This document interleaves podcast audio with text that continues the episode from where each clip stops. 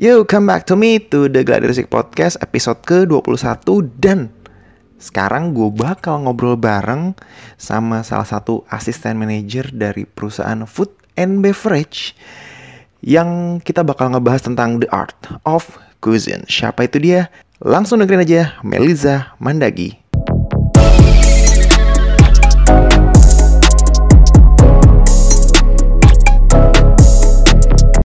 Agu News. Untuk yang pengen tahu lebih jauh kritik atau saran bisa langsung kirim aja ke gladiresik7 at gmail.com atau mention atau direct message juga boleh ke Instagram at gladiresik studio. Stay tune nam podcast Gladiresik. Oke, nah Mbak Melisa nih kalau nggak salah itu kemarin pernah sekolah di Australia kan yang jurusan masak. Nah, mungkin bisa diceritain sedikit tuh Mbak. Dulu ngapain aja, terus cerita sedikit tentang sekolahnya tuh sekolah apa sih gitu. Di kota apa, terus bisa cerita juga pengalamannya gimana. Sekolahnya itu di Melbourne, di William English Institute namanya. Itu emang kayak apa ya, dia institusi khusus untuk perhotelan tapi memang aku lebih ke masaknya lebih ke commercial cookery. Jadi uh, pertama kalinya aku mulainya di certificate for certificate for terus itu totally selama satu setengah tahun full cuman masak kerjaannya dan harus kerja. Jadi kayak setengah kerja setengah masak gitulah. Nah masaknya itu ya diajarinnya dari bener-bener basic banget sih dari cara motong. Cara motong aja tuh banyak banget.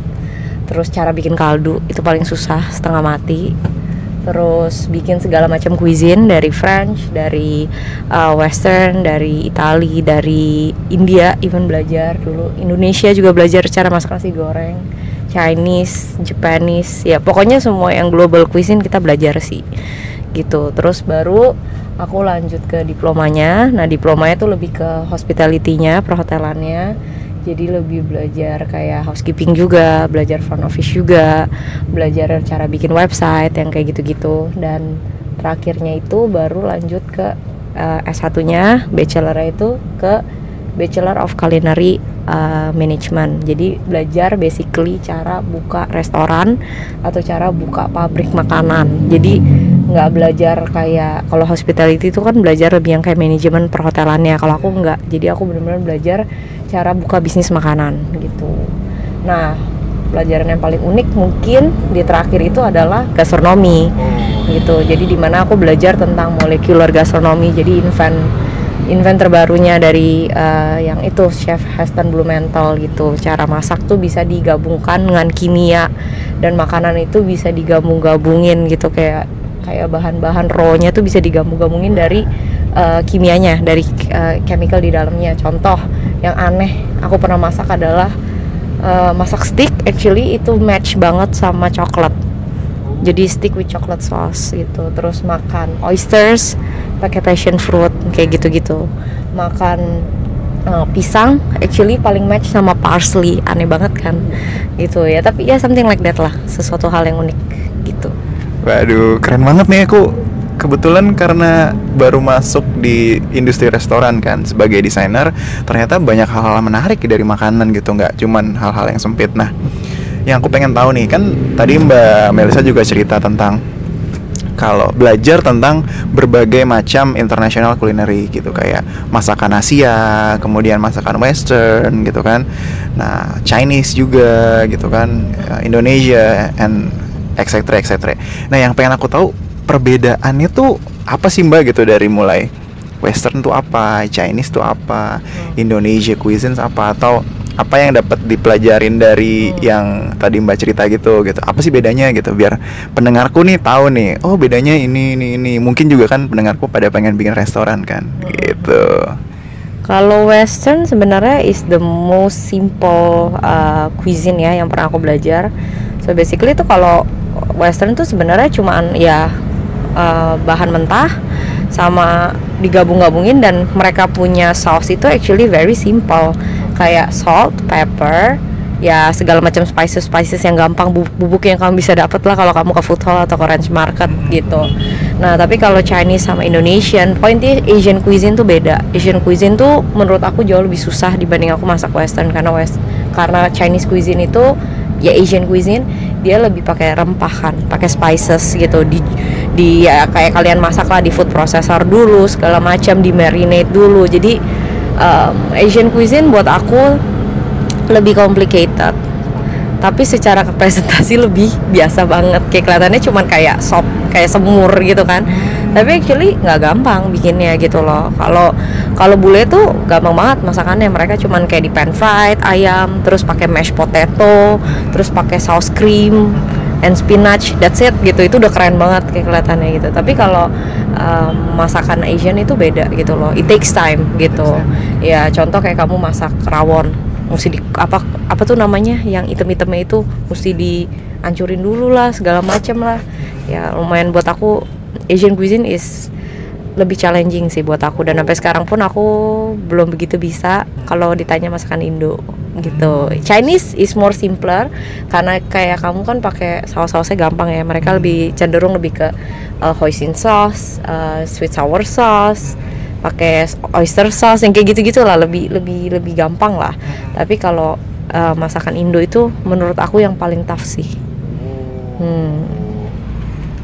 Ini menarik sekali nih teman-teman nih. Jadi ternyata masakan Indonesia itu susah ya. Luar biasa. Jadi kalau disarankan tuh sebenarnya justru malah uh, restoran Indonesia tuh yang menarik ya mungkin pada Hmm. industri ya karena salah satu termasuk yang sulit ini juga aku baru tahu nih aku pikir masakan Indonesia tuh cuma gitu-gitu aja ternyata bahkan lebih sulit dari masakan Chinese ya Iya. masakan Indonesia nah tadi Mbak Melisa juga cerita nih tentang uh, belajar untuk membuat restoran kemudian mungkin bahkan bikin pabriknya gitu Nah, kalau boleh tahu nih pendengarku gitu, uh, mungkin bisa dikasih informasi dikit gimana sih sebenarnya uh, kita bikin restoran? Karena kan kebetulan chen, uh, podcastku ini kan ngomongin tentang uh, how to brand your product gitu, gimana memperkenalkan produknya gitu. Nah, ini jadi sesuatu yang menarik lagi nih. Misalnya nanti di bagian untuk memperkenalkan produk biar aku yang cerita. Nah, mau bikin restoran. Karena kan sekarang nih kalau aku lihat di Indonesia itu trennya adalah orang-orang pada pengen bikin cafe gitu kan. Terus franchise makanan kecil-kecilan kayak geprek gitu. Menurut Mbak Melisa tuh bikin restoran tuh gimana sih? Dan eh, apa trennya tuh ke depan gimana gitu? Karena kan eh, ya oke lah mungkin banyak orang bikin cafe nawarin kopi dan segala macam. Tapi uh, menurutku pribadi ya karena aku orang yang suka makan ya ini pribadi suka makan nasi gitu. Pengen kalau aku pribadi tuh pengen banget ngerasain restoran yang secara price-nya oke tapi juga mengenyangkan gitu bukan cemilan doang. Dan juga sehat. Nah mungkin ada masukan gitu dari Mbak Melisa yang kemarin sempat belajar juga tentang how to build a restaurant, how to make, how to create a restaurant. Itu itu gimana sih? Bisa di-share ke kita-kita. Kalau buat restoran, jujur kalau kalian yang memang sekolah kayak aku, justru akan sangat takut ya buka restoran. Karena pelajaran kayak semester terakhir yang aku belajar tuh namanya risk management.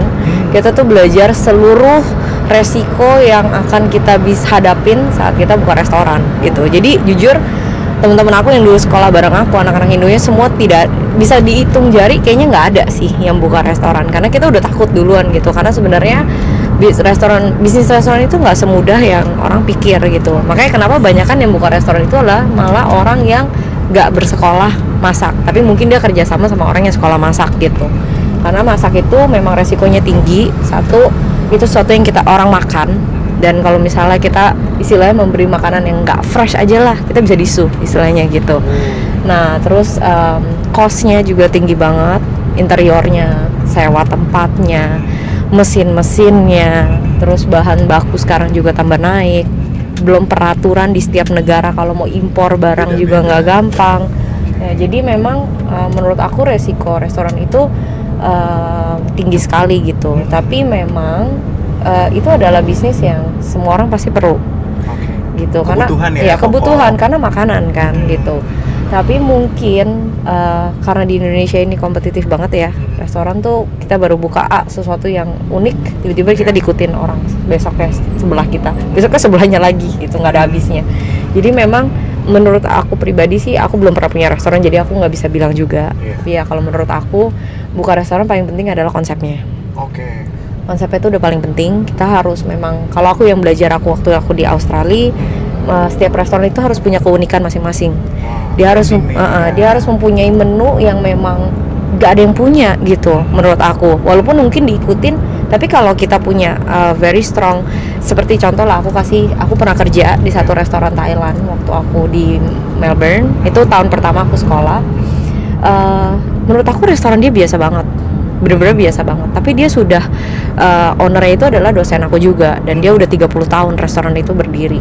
Nah apa sih yang bikin dia tuh sampai seterkenal itu dan apa yang bikin dia sampai restorannya tuh tetap bisa berdiri selama 30 tahun? Wow. apalagi di Melbourne itu susah banget untuk restoran bisa tahan lama. Kenapa? Karena peraturan uh, governmentnya itu berat banget gitu. Jadi mereka sering banget datang inspection cek restoran ini udah masih bagus apa enggak pokoknya dicek semua lah gitu. Nah tapi dia tetap nih bisa berdiri dan rame terus gitu loh. Dia dia memang kalau siang nggak terlalu rame tapi malamnya dia tuh mostly are fully booked gitu. Nah aku bingung gitu kenapa? Ternyata aku belajar satu hal. Jadi aku kan kerja di dalamnya nih dan aku pernah belajar di sekolah. Waktu belajar di sekolah presentasi tentang dia tentang restoran dia. Apa yang bikin berubah be- beda banget? Ternyata aku tahu satu hal. Jadi eh, dia punya saus itu selalu dia bikin di rumah dia dia jadi punya winery. Dia punya winery. Dia selalu bikin semua saus dia buat restoran tuh di rumah dia. Dia sampai punya khusus kayak eh, ruangan dingin. Itu semua untuk nyimpen saus-saus dia. Dan di setiap cabang dia punya restoran kan tiga ya. Semua restorannya dia itu selalu pakai saus yang dia buat sendiri. Jadi selama 30 tahun berdiri dia bikin sausnya sendiri. Dan dia tidak pernah share itu ke semua chef. Jadi dia pernah kayak di waktu dia aku sekolah itu dia kayak bikin sausnya kan. Kayak aku nonton gitu di videonya dia. Lalu aku praktekin langsung nih di kan- di di ka- apa di tempat kerja aku which is di restoran dia. Beda rasanya sama yang aku pakai buat eh, eh, sama yang aku pakai buat biasanya aku serve tamu gitu loh. Jadi itu yang aku Oh, belajar. Uh, jadi dia benar-benar um, keep uh, The secret the secret recipe. the secret recipe itu satu dan dia jaga konsisten dia karena dia udah biasa dia yang bikin. Aku nggak tahu mungkin di rumah dia ada orang lain yang bikin gitu. Ya tapi itu bagusnya dia menjaga konsisten. Jadi itu yang membuat unik restoran dia. Sausnya dia tuh nggak ada yang bisa tandingin. Memang saus saus dia punya basil saus itu nggak ada yang bisa tandingin gitu. Nah itulah yang bikin restoran dia berdiri terus gitu. Dan mungkin ya menurut aku di Indonesia um, banyak orang ngikut-ngikut-ngikut gitu tapi menurut aku kalau memang dia punya saus sendiri yang nggak ada yang bisa nandingin atau Ya. dia punya menu sendiri yang nggak ada yang bisa nandingin dia akan tetap terus bisa berdiri sih dia akan bertahan menurut aku itu paling penting. Dan ya buka di lokasi menurutku juga penting. Itu kalau four piece kita belajar ya harga kan produknya dulu itu udah satu harga juga kita harus perhatiin lingkungan yang kita buka itu di lokasinya memang spending powernya berapa gitu. Lalu baru di tempat lokasi juga penting banget. Kayak misalnya di contoh lah di selatan terus kita buka restoran eh, yang modelnya tuh kayak contoh Bambi Bangka. Belum tentu bisa laku karena marketnya beda gitu loh. Jadi menurut aku emang market tuh penting banget. Kayak misalnya contoh restoran Itali. Di selatan laku banget kan banyak orang restoran Itali tuh kayak Mama Rossi gitu tetap bertahan kan di coba buka di barat sebentar aja paling cuma tahan 6 bulan gitu. Karena memang spending powernya beda orang-orangnya beda targetnya beda. Nah baru yang terakhir ya memang promosi ya harus marketingnya juga jalan gitu brandingnya harus jalan menurut aku itu sih paling penting kalau buka restoran. Wah, ini valuable informations banget nih buat orang yang pengen bikin restoran gitu kan. Mantep mantep. Jadi eh, dari awal tuh kita harus strong konsep sebenarnya kalau buat restorannya. Jadi dari awal mau konsep kayak gimana, kemudian everything else it's just follow the concept, keep the secret recipe yang ya orang lain nggak bisa buat gitu kan satu-satunya. Kalau kalau di kalau di ducking tuh ada ada dapur rahasianya lah ya, yang bumbu bumbu rahasianya lah ibaratnya ada yang yang keep cuman beberapa orang doang misalnya gitu atau di beberapa restoran lain juga ada yang punya dapur-dapur rahasia ya mungkin ya yang, bikin restoran tuh bertahan. Dan tadi juga uh, cukup menarik bahwa ternyata ya itu tadi ya itu simple marketing strategi sih ya. Kalau mau bikin sesuatu konsepnya apa ya harus dicek marketnya gitu kan. Mau bikin di mana kemudian orang-orang spending powernya berapa. Oke oke oke oke oke. Nah kalau dari mbak Melisa pribadi gitu kan banyak gitu kan. Ada cooking kemudian ada baking gitu bikin kue. Kemudian tadi juga ada share tentang molecular gastronomy ya. Itu yang Hmm. katanya bikinnya yang sulit-sulit banget gitu. Nah eh, kalau boleh reference brand gitu eh, yang paling keren. Restoran yang fine dining terus kemudian uppernya di atasnya apa. Kemudian ada eh, tadi toko kue bakery yang emang keren banget yang long lasting. Boleh Indonesia boleh Barat boleh Chinese. Kemudian satu lagi molecular gastronomy. Yang yang keren tadi tuh eh, reference buat orang-orang tuh yang bisa dilihat yang bisa berkiblat lah ibaratnya. Itu kalau boleh di share apa dan kenapa? Ya Kalau restoran ya, to be honest, eh, aku belum terlalu bisa bilang ya, karena aku belum coba. Tapi yang pengen aku banget coba itu yang molecular gastronomy itu fat duck. Ya itu pengen banget aku coba. Tapi masalahnya aku belum ada kesempatan untuk coba makanan itu. Tapi mungkin memang jujur molecular itu keren banget buat aku. Tapi nggak terlalu excited untuk makan itu. Karena mostly biasa eh, jujur makanannya mungkin nggak sampai seenak itu. Hmm. tapi memang karena tampilannya en- bagus gitu jadi pengen. Jadi mungkin yang kalau aku pengen banget fat duck. Tapi aku belum coba jadi aku nggak tahu rasanya gimana. Kalau restoran di Indo yang selama ini aku pernah coba enak itu adalah Akira Bake. Akira. Akira Bake itu fine dining juga. Jadi dia lebih ke fusion Japanese steak Eh, dagingnya itu di eh, diinepin dulu gitulah. Kayak jadi ada apa ada hari-harinya gitu bisa pilih gitu. Kayak ada yang udah diinepin 21 hari ada yang udah diinepin berapa hari gitu Eh, itu enak banget sih dagingnya menurut aku dia bener-bener masak di depan kita servisnya juga bagus banget cuma memang harganya juga fantastis Iya, tapi ya kali-kali boleh lah dicoba itu. Ada harga, ada eh, rupa ya. ya, dia punya truffle mac and cheese juga enak banget menurut aku. Gitu. Tapi aku juga nggak makan sampai ke dessert sih. Jadi eh, dan aku baru makan sekali. Jadi aku nggak bisa terlalu bilang whether that food is really uh, excellent banget apa enggak juga. Aku nggak bisa bilang gitu.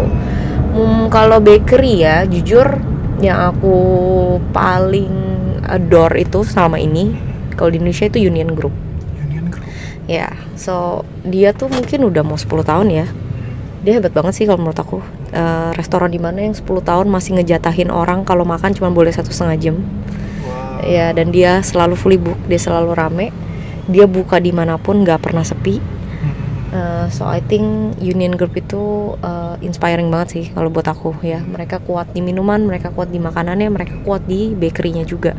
Bakerynya salah satu yang aku baru suka ini baru buka itu adalah di Senen City. Dia buka Union Cafe.